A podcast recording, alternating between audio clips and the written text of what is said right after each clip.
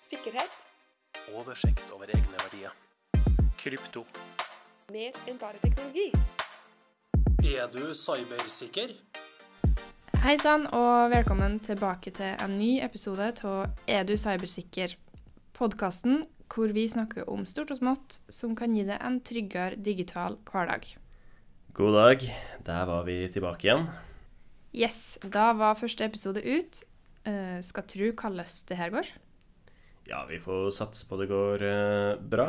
Eh, through the magic of editing så har jo, blir jo denne her eh, episoden tatt opp før første episode blir lansert, så vi håper jo at det, går bra med den, selv om ikke vi har noen peiling på det ennå. Men It's a kind of magic. oh yes. Vi kjører på uansett, eh, og i dag så skal vi snakke om Jeg har ikke lyst til å slå i bordet, for da tror jeg mikrofonene bråker. Eh, passord. Riktig. Og for dere som hoppa rett på episode to, eller som ikke helt husker hvem vi er, så er det her en podkast fra Cybersikkerhetssenteret for forskning og utdanning, som vi har laga nå til årets sikkerhetsmåned. Eh, Navnet mitt det er Ingrid, og på andre sida av bordet så har vi Didrik. Riktig. Vi snakka forrige gang om det her med bruk av passordhåndteringsprogram. Og i forlengelse av det så tenkte jeg at vi kunne snakke mer om det her med passord.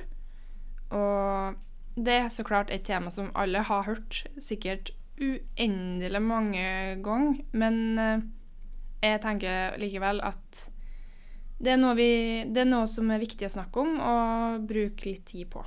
En god ting kan ikke sies for mange ganger. Eh, personlig så liker jeg på en måte at jeg ikke husker de fleste av passordene mine. Da mine i hvert fall blir autogenerert av et eh, passordhåndteringsprogram. Så du husker ingen? Nei, jeg husker jo passordet til PC-en og til passordhåndteringsprogrammet, for det er litt sånn vanskelig å finne passordene mine hvis ikke jeg kommer meg inn i passordhåndteringsprogrammet. Men Ja. bortsett fra de to, så husker jeg ikke de fleste av de, nei. Good point. Ja, det finnes sikkert eh, mange forskjellige sånne program. Um, jeg har hørt om noe som heter LastPass og Bitwarden, f.eks. Uh, men det er vel noen andre òg? Ja, det fins mange, mange, mange andre. Eh, veldig mange forskjellige, og av veldig mange forskjellige typer, på en måte. Em, så det er veldig vanskelig å vite hvem man skal stole på. Eh, og vi ønsker jo ikke egentlig å måtte gjøre mye for å finne ut hvem vi skal stole på og anbefale heller, så vi har gått og titta på nettvett.no. Det er et eh, samarbeid mellom NorSIS, som er Norsk senter for informasjonssikring, Nasjonal eh, sikkerhetsmyndighet, og Nasjonal kommunikasjonsmyndighet. Og på nettvett.no så nevner de OnePassword, LastPass, Keeper, NPass og KeyPass som det de kaller som anerkjente, da. Så da, det vil da si at vi kan på en måte stole på dem, at de er på en måte godkjent? Eller trygge å bruke?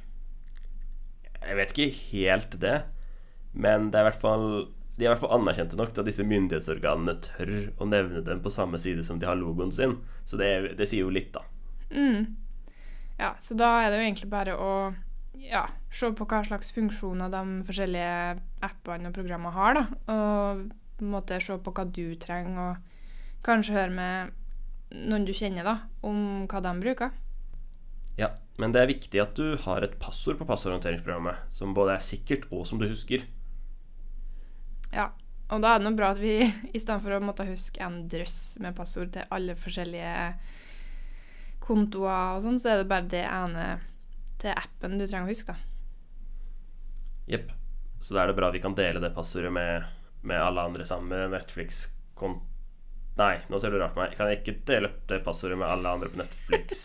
Ja, nå begynte jeg å lure på hva du Hæ? Skal du dele passord? Altså, vi kan jo ikke anbefale eh, det. Eh, både fordi det Altså, det bryter jo med brukervilkåra, men òg fordi det, det er jo en risiko å dele eh, passord med andre. Men når det forbeholdet er tatt, så er det i hvert fall viktig at eh, når man deler passord, at eh, du ikke bruker det passordet flere plasser, fordi du gir det jo bokstavelig talt bort til andre, så da er det jo plutselig at alle får tilgang på både e-post og Netflix og kanskje jeg vet ikke bankpassordet ditt.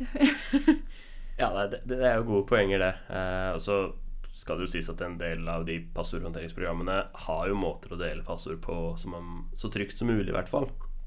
Og da kan du gjerne lage tilfeldig genererte passord med det passordhåndteringsprogrammet, og så dele det med, med andre og eventuelt trekke tilbake tilgangen og få resatt passordet på et senere tidspunkt. Mm. Ja, da slapp du i hvert fall å dele favorittpassordet ditt med bestekompisen. Da håper jeg du har brukt tofaktor, i hvert fall. Men når vi først er inne på tofaktor, så vil det kanskje være smart å si noe om hva vi mener med faktor. Hva er en faktor i sikkerhetsøyet med, Ingrid? Faktor Å, nå fikk jeg lyst til å si solfaktor. Nei, øh, det blir det jo ikke, da. Men øh, det har vel noe med at du kan dele innlogginga i mindre biter, altså fragmenter, fra forskjellige nå skulle det si ting, eller enheter, da, for å gjøre det mer sikkert. Ja, det er jo for så vidt en grei eh, beskrivelse. I hvert fall eh, på, på, på et eh, overordna nivå. Eh, de, det vi ofte anser som faktorer da, i sikkerhet, det er eh, og, og som man da må bruke to av for å ha to faktor. Det er no, for det første noe du vet, som et passord. Noe du har, som f.eks. en kodebrikke på mobilen eller fysisk kodebrikke. Eh, og noe du er. Det kan f.eks. være biometrisk identifikasjon. Eller det er gjerne biometrisk identifikasjon, for det er ikke så mye annet du er som kan testes ennå. Og det er da f.eks. fingeravtrykk. da. En vanlig faktor som mange stoler på, men som ikke er helt optimal, det er jo kode på SMS eller e-post. Å, og jeg som trodde at eh, de metodene var sikre som banken. Eh, det er vel kanskje derfor doktorene har et sånt der kort som de bruker når de skal logge seg inn og skrive eh, journal når du har vært og hatt legetime? Ja, det er ofte Det tror jeg vel ofte er Conf-IDs eller by, Bypass smartkort. Og da er jo da kortet noe du har, gjerne med en liten kryptonøkkel på.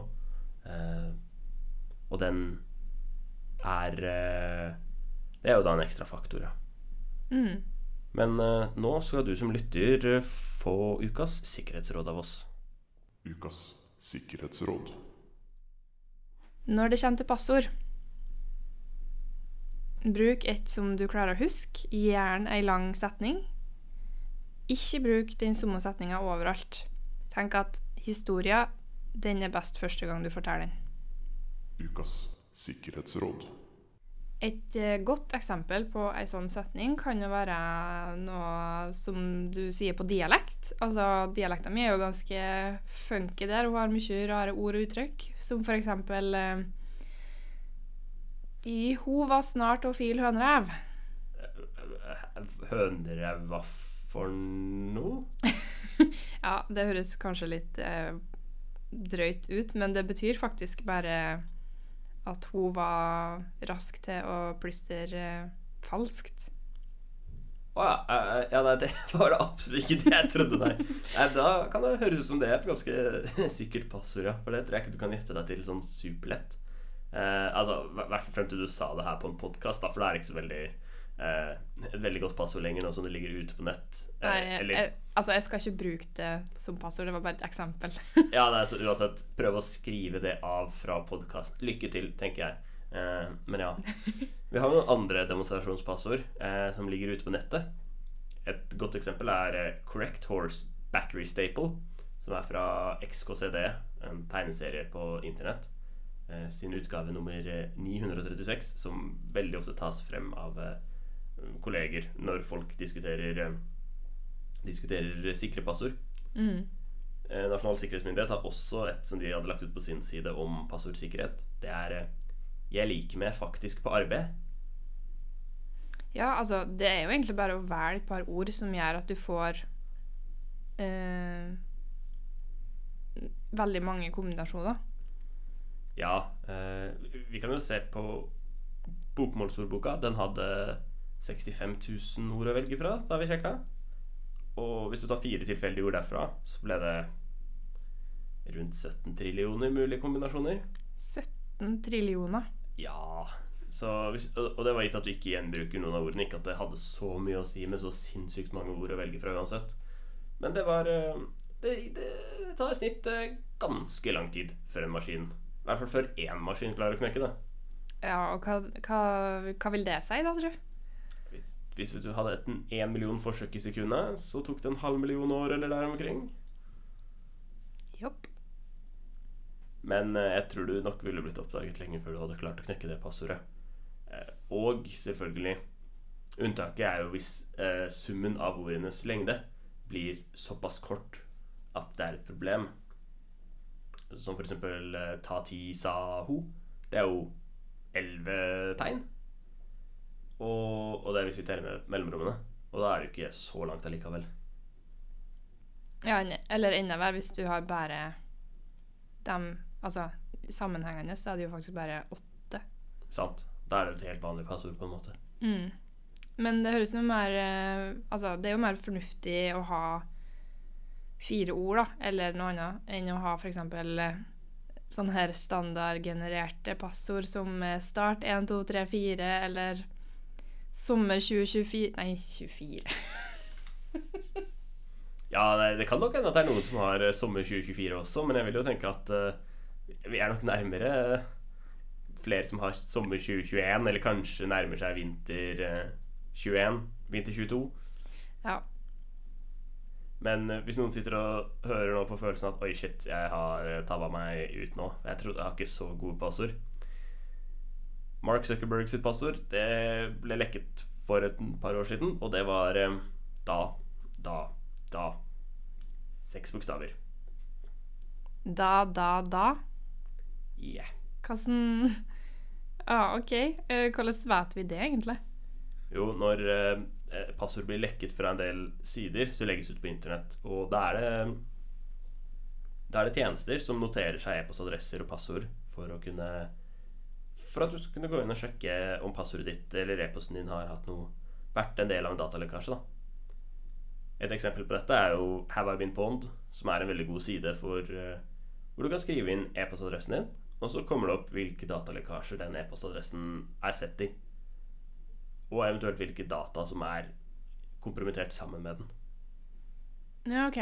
Sånn at uh, hvis det dukker opp noe der da, når du skriver inn e-posten din, så bør du bytte passordet ditt? Ja, eh, du må jo i det minste ha, ha byttet passord siden den lekkasjen skjedde. For da hindrer du i hvert fall at uh, brukeren din der kan misbrukes andre steder. da.